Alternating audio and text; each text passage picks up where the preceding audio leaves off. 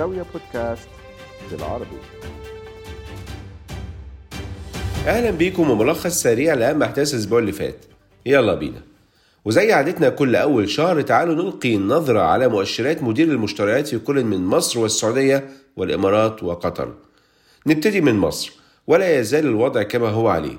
القطاع الخاص غير النفطي في مصر لسه بيعاني من الانكماش مع انخفاض مؤشر مدير المشتريات ل 46.7 نقطة في مارس مقارنة ب 46.9 نقطة في فبراير. علشان يكون الشهر ال 28 على التوالي اللي يسجل فيه المؤشر أقل من 50 نقطة اللي هي مستوى التعادل. شهر مارس كان فيه انخفاض حاد في النشاط وحجم الأعمال الجديدة نتيجة الضغوط التضخمية اللي أدت لضعف معدلات الطلب مع ارتفاع حاد في تكاليف الإنتاج. وطبعا أحد أهم الأسباب الرئيسية هو ارتفاع سعر صرف الدولار قصاد الجنيه المصري. ونروح لقطر اللي اتحسن فيها المؤشر ل 53.8 نقطة في مارس مقارنة ب 51.9 نقطة في فبراير. نتيجة تحسن النشاط التجاري وارتفاع مؤشر التوظيف وارتفاع مؤشرات الإنتاج والطلبات الجديدة اللي شهدت أعلى معدل نمو ليها في قطاع البيع بالجملة والتجزئة وقطاع الخدمات. وبرضه في الإمارات معدل نمو القطاع الخاص غير النفطي اتحسن وارتفع المؤشر ل 55.9 نقطة في مارس مقارنة ب 54.3 نقطة في فبراير. وده أكبر ارتفاع شهري ليه من أكتوبر 2021 نتيجة زيادة قوية في طلبات الشراء الجديدة ورفع الشركات لطاقتها لاستيعاب الزيادة دي واللي اتأثرت بالإيجاب بالسياحة.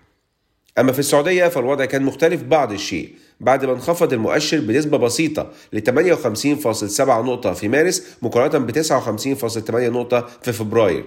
لكن الشركات على وضعها. كلها ثقة من ارتفاع النشاط خلال ال 12 شهر الجايين. كلمة السر الحقيقة هنا هي الثقة واللي بتخلي النظرة المستقبلية للنشاط الاقتصادي متفائلة وخصوصا مع تحسن ظروف السوق. وزيادة الإنفاق التنموي اللي طبعا بيتم تمويله من الإيرادات النفطية. ويمكن ده اللي خلى السعودية تقود مجموعة الأوبك بلس في اتخاذ قرار بالخفض الطوعي لإنتاجهم من نفط خلال 2023 كخطوة احترازية. آه خفض الإنتاج ممكن يؤدي لانخفاض الإيرادات النفطية لكن ده لو سعر النفط فضل ثابت. لكن بعد القرار ده سعر النفط ارتفع علشان يسجل خام برنت أكتر من 86 دولار للبرميل الواحد يوم الاثنين اللي فات وارتفع بدوره خام تكساس لقرب ال 80 دولار للبرميل الواحد. كل ده بعد ما كانت الأسعار بتدور حوالين 68 ل 74 دولار للبرميل نزولا من فوق ال 100 دولار بعد اندلاع الحرب الروسية الأوكرانية. الخفض الطوعي ده هيبتدي من مايو الجاي إن شاء الله وحتى نهاية 2023 إجمالا الخفض هيكون في حدود 1.16 مليون برميل يوميا. نصيب السعودية منهم 500 ألف برميل العراق 211 ألف برميل الإمارات 144 ألف برميل الكويت 128 ألف برميل كازاخستان 78 ألف برميل الجزائر 48 ألف برميل عمان 40 ألف برميل والجابون 8000 برميل. ده بالإضافة طبعا ل 500 ألف برميل روسيا كانت قررت تخفضهم طوعية في فبراير اللي فات بعد ما الغرب حط حدود سعرية على النفط الروسي. وزود عليهم ال 2 مليون برميل يوميا اللي مجموعة أوبك بلس كانت وافقت في أكتوبر 2022 على خفضها حتى نهاية 2023 وبكده تكون مجموعة أوبك بلس هتخفض إجمالا 3.66 مليون برميل يوميا أو ما يعادل 3.7% من الطلب العالمي على النفط. المشكلة إن في ضعف في الطلب بسبب الأزمة الاقتصادية اللي في أوروبا وأمريكا واللي ممكن تؤدي لنقص في الطلب وما يتبعه طبعا من انخفاض في أسعار النفط. فكان ضروري ويمكن كان متوقع بالنسبة لبعض المتعاملين في سوق النفط إن الأوبك بلس ياخدوا قرار الخفض الطوعي ده. لكن على الجانب التاني في ناس شايفة إن الخفض ده غير منطقي زي إدارة الرئيس الأمريكي جو بايدن اللي بتقول إن القرار ده غير مواتي لحالة عدم اليقين اللي بتأثر على السوق وخصوصا طبعا إن أي زيادة في أسعار النفط عالميا معناه ارتفاع أسعار الوقود في أمريكا اللي بتحاول من وقت للتاني إنها تضخ من الاحتياطي الاستراتيجي للنفط بتاعها. وبالفعل وبعد ما مصر كانت رفعت أسعار المحروقات في أول مارس السودان هو كمان رفع أسعار بيع البنزين ب 13% لكن في نفس الوقت السودان خفض سعر الديزل ب 3% بالتمام والكمال. السودان كان رفع دعم المحروقات في يونيو 2021 حسب اتفاقه مع صندوق النقد الدولي واللي وصل معدلات التضخم لمستويات فلكية لأكثر من 400% وقتها علشان توصل بعد كده ل 63% في فبراير اللي فات. بس هل يا ترى هتنزل لل 25% بنهاية 2023 زي ما وزير المالية السوداني صرح؟ على العموم صندوق النادي الدولي أكيد بيتابع الوضع شهر بشهر الصندوق اللي وافق مجلس إدارته مؤخرا على خط ائتمان مرن للمغرب بحوالي 5 مليار دولار على مدار سنتين والهدف تعزيز الاحتياطيات الوقائية الخارجية للمغرب وتقديم ضمانات ضد أي مخاطر متطرفة محتملة بشكل مؤقت المغرب كان بقاله فترة بيعاني من ارتفاع العجز التجاري وارتفاع أسعار الغذاء والطاقة وبالتالي ارتفاع معدل التضخم اللي وصل ل 6.6% في 2022 مقارنة ب 1.4% في 2021 وده نتيجة طبعا الحرب الروسية الأوكرانية وتعطل سلاسل الإمدادات الغذائية. من 2012 المغرب كان استفاد من أربع اتفاقات مع صندوق النقد الدولي قيمة كل اتفاق حوالي 3 مليار دولار. ده غير إن المغرب أصدر في مارس اللي فات سندات دولية بحوالي 2.5 مليار دولار على شريحتين متساويتين علشان تبقى المرة الأولى من ثلاث سنين. ده حتى الأردن هو كمان أصدر سندات دولية المعروفة بمصطلح يورو بوند قيمتها واحد وربع مليار دولار مقارنة بطرح مستهدف 750 مليون دولار بس. لكن نقول إيه بقى؟ كان في طلبات كتيرة من المستثمرين وصلت لأكتر من 4.7 مليار دولار يعني أكتر من ست أضعاف الحجم المستهدف.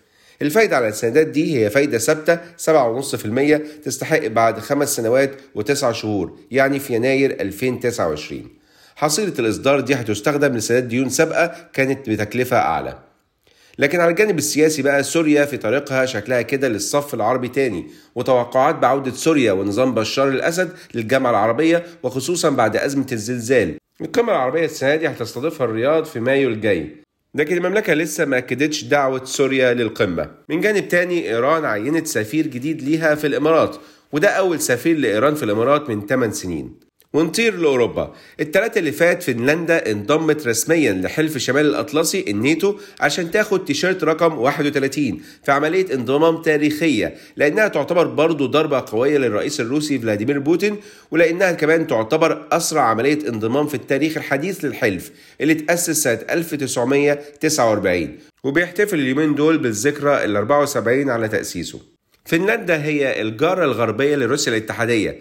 وكانت طلبت الانضمام للحلف في مايو 2022 على الجانب الثاني روسيا بتتوعد من يوم الثلاث اللي فات على لسان المتحدث باسم الكريملين إنها هتاخد إجراءات مضادة لأنها بتعتبر انضمام فنلندا للحلف تصعيد جديد للوضع وخصوصا إن توسيع الحلف بيشكل مساس بأمن ومصلحة روسيا الاتحادية. وننهي البودكاست بخبر من عم الدنيا مش مصر أم الدنيا والسعودية أبوها على رأي الفنان السعودي محمد عبده يبقى عم الدنيا بلاد العم سام أمريكا. يوم الثلاث اللي فات المحكمة في نيويورك قالت إنها وجهت للرئيس الأمريكي السابق دونالد ترامب لائحة بتتضمن 34 تهمة جنائية فيما يتعلق بتزوير السجلات التجارية في نيويورك لإخفاء معلومات ونشاط غير قانوني عن الناخبين الأمريكيين قبل وبعد انتخابات 2016 وكمان الاشتباه في إنه اشترى صمت الممثلة الإباحية المعروفة باسم ستورمي دانييلز خلال حملة الانتخابات الرئاسية في 2016 ب 130 ألف دولار. دفعهم لها محاميه مايكل كوين علشان ما تتكلمش عن علاقتهم سنة 2007 وبالتالي ما تأثرش عليه في انتخابات 2016 التهم دي كلها على بعضها مجتمعة ممكن توصل عقوبتها القصوى لأكثر من 100 سنة سجن حسب قانون نيويورك. وإن كان من غير المرجح إنه يتحكم على ترامب بكل الفترة دي. في حين إن كل تهمة هي جناية صغيرة يعاقب عليها بالحبس أربع سنوات كحد أقصى لكل تهمة. بس يا ترى ترامب هيسطر تاريخ جديد كأول رئيس أمريكي في التاريخ يتم حبسه بعد ما بقى أول رئيس أمريكي يواجه محاكمة جنائية؟